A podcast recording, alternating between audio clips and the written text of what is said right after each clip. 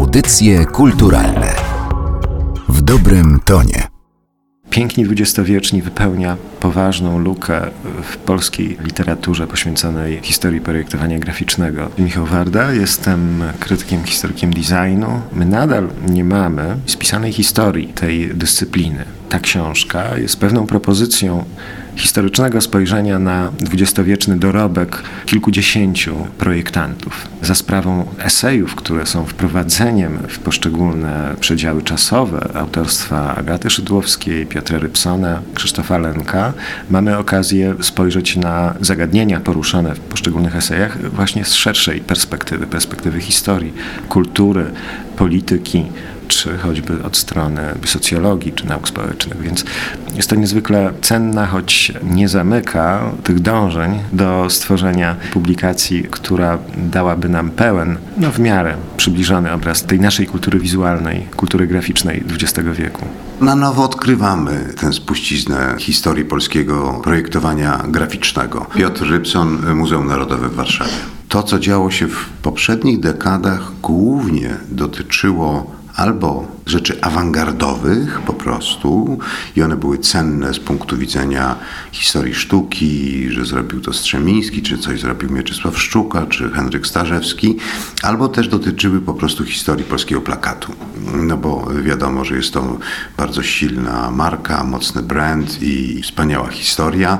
Natomiast pominięte w zasadzie zostały wszystkie inne aspekty projektowania graficznego, które było dyscypliną niezwykle udaną, jeśli chodzi o dokonania dwudziestolecia, również i później, i czymś, z czego Polska powinna być bardzo dumna. I chyba też jest tak, że dopiero od jakiegoś czasu docenia się wartość tej sztuki użytkowej. To się wiąże przede wszystkim z pokoleniami i stosunkowo krótkim życiem indywidualnym ludzi. Co kilka dekad, a może nawet krócej, co dekadę, dwie nagle odkrywamy coś, co znamy z dzieciństwa. To się łączy bardzo często z jakimś takim sentymentalnym powrotem do czasu minionego i nagle rzeczy codzienne, powszednie zyskują bardzo na upływie czasu, okazują się być wyjątkowe, świetnie zrobione, zwracamy na nie uwagę, odnawiamy je, wykupujemy w rozmaitych antykwariatach czy innych galeriach i tak się dzieje zarówno z wzornictwem dotyczącym mebli, zaczynamy również doceniać dawniejszą architekturę, która nie jest tak dawna, ale również no właśnie to projektowanie graficzne, z którym nasi ojcowie, dziadkowie, czasem i my mieliśmy do czynienia w ten czy w inny sposób y, bezpośrednio i nie zwracaliśmy na to szczególnej uwagi. Natomiast tym projektowaniem graficznym jest jeszcze jeden wymiar, który powoduje wzrost zainteresowania. Otóż w tych projektach książek, czasopism, y, listowników, opakowań, y, czego tam jeszcze, zapisane są pewne kody językowe, które związane są z naszą historią i historią naszej kultury w sposób bardzo szczególny, ponieważ jest tam zarówno tekst, jak i projekt, forma, wzór, taki język, który jest czasem trudny do opowiedzenia, bo nie jest tylko i wyłącznie werbalny.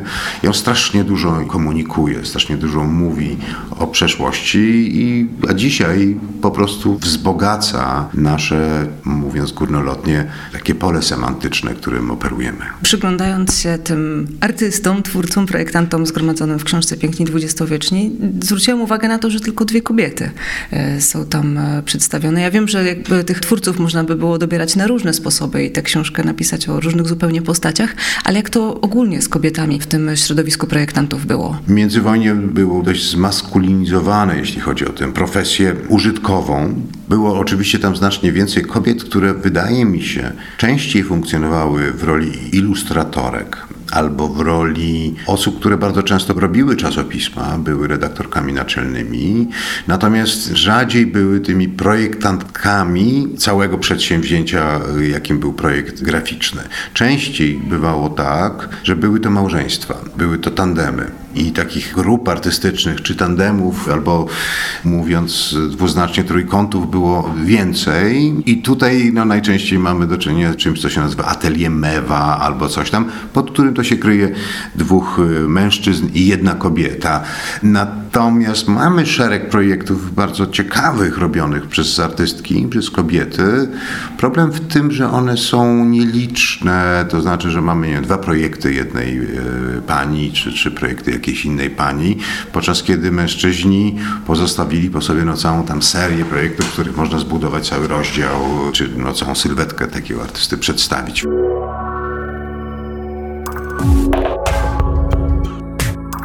Ten pierwszy okres do roku 45 opisuje tak naprawdę początki i rozwój tej dyscypliny, jaki miał miejsce w latach 30. Y, to bardzo słabo znany nam tak naprawdę okres. Mówimy wiele o awangardzie, o pewnych wybranych twórcach, jak choćby Tadeusz Gronowski, natomiast nie mamy pełnego obrazu tej epoki, a działo się tam naprawdę bardzo, bardzo dużo. Po roku 45 przemiany polityczne związane z wprowadzeniem nowego ustroju, ten okres to również rozkwit, rozwój projektowania typograficznego, książki, grafiki użytkowej, opakowalnictwa, czyli tych dziedzin, które zwykle rozwijają się wraz z wzrostem e, gospodarczym, społecznym, rozwojem e, itd. Tak Więc to jest zupełnie naturalne, ale przez tych ostatnich 50 lat do 89 roku krytyka artystyczna była bardzo skupiona na plakacie, spychając nieco mm, w bok tak ważne dziedziny, jak te, o których wspomniałem. Ta książka stara się to zrównoważyć. Po roku 80 następuje oczywiście znowu zmiana spowodowana pewnymi zjawiskami natury politycznej, ale również kulturalnej i tak naprawdę tym największym przełomem są lata 89-90 i to, co działo się w latach 90. i to, co wydarzyło się po roku 2000. To są zupełnie jakby odrębne e, zjawiska, odrębne epoki. Pokazują w szerszej perspektywie nasz poziom również świadomości kultury wizualnej, estetycznej właśnie w tych czasach. I sama książka Piękni Dwudziestowieczni jest rezultatem wysiłków pewnego pokolenia projektantów i krytyków. To ci, którzy po roku 2000 założyli i tworzyli przez ponad 15 lat magazyn 2 plus 3D, ale również ci projektanci, którzy byli współtwórcami Stowarzyszenia Twórców Grafików Użytkowych, e, którzy w sposób czynny, zdecydowany i zaangażowany starali się wpływać na zmianę pewnych standardów zawodowych, ale również na społeczny odbiór projektowania graficznego i kultury wizualnej w ogóle. Ciekawym punktem widzenia zawsze może być spojrzenie kogoś z zewnątrz, w tym przypadku odbiorców e, zagranicznych, ponieważ książka miała wcześniej już swoją wersję anglojęzyczną. Czy wiemy już właśnie, jak ten odbiór wyglądał? Czy udało się e, pokazać e, zagranicznym odbiorcom, że polskie projektowanie to nie tylko ta szkoła plokatu, ale że mamy się czym chwalić jeszcze w innych dziedzinach? Wydaje mi się, że w jakiejś mierze tak. O tyle, że kilka no, szalenie takich wpływowych głosów, a tu mam na myśli najbardziej chyba znanego, jak się mówi, najwybitniejszego historyka designu amerykańskiego Stevena Hellera.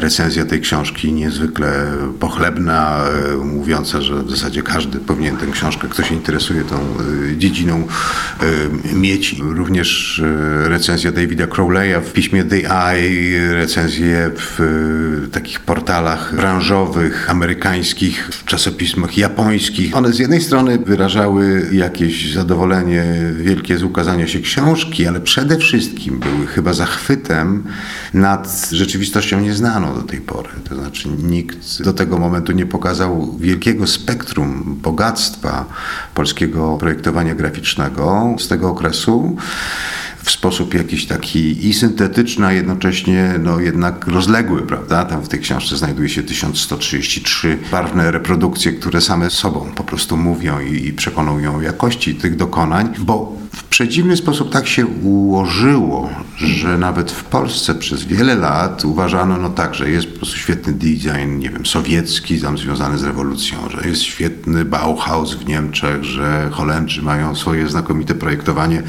związane z tradycją Desti i tak dalej, i tak dalej, że również Szwajcarzy oczywiście mają swoją wybitną szkołę, no a w Polsce to tam coś tam było.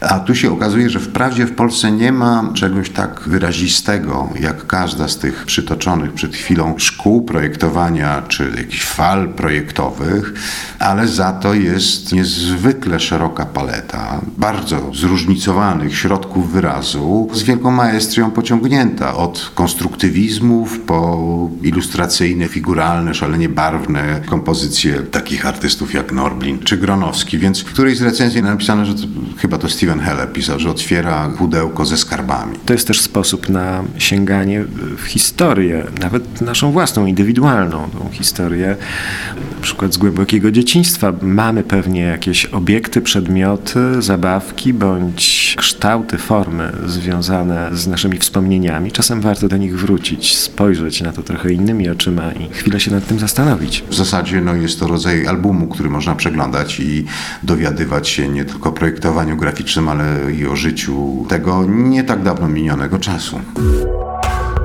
Audycje kulturalne w dobrym tonie.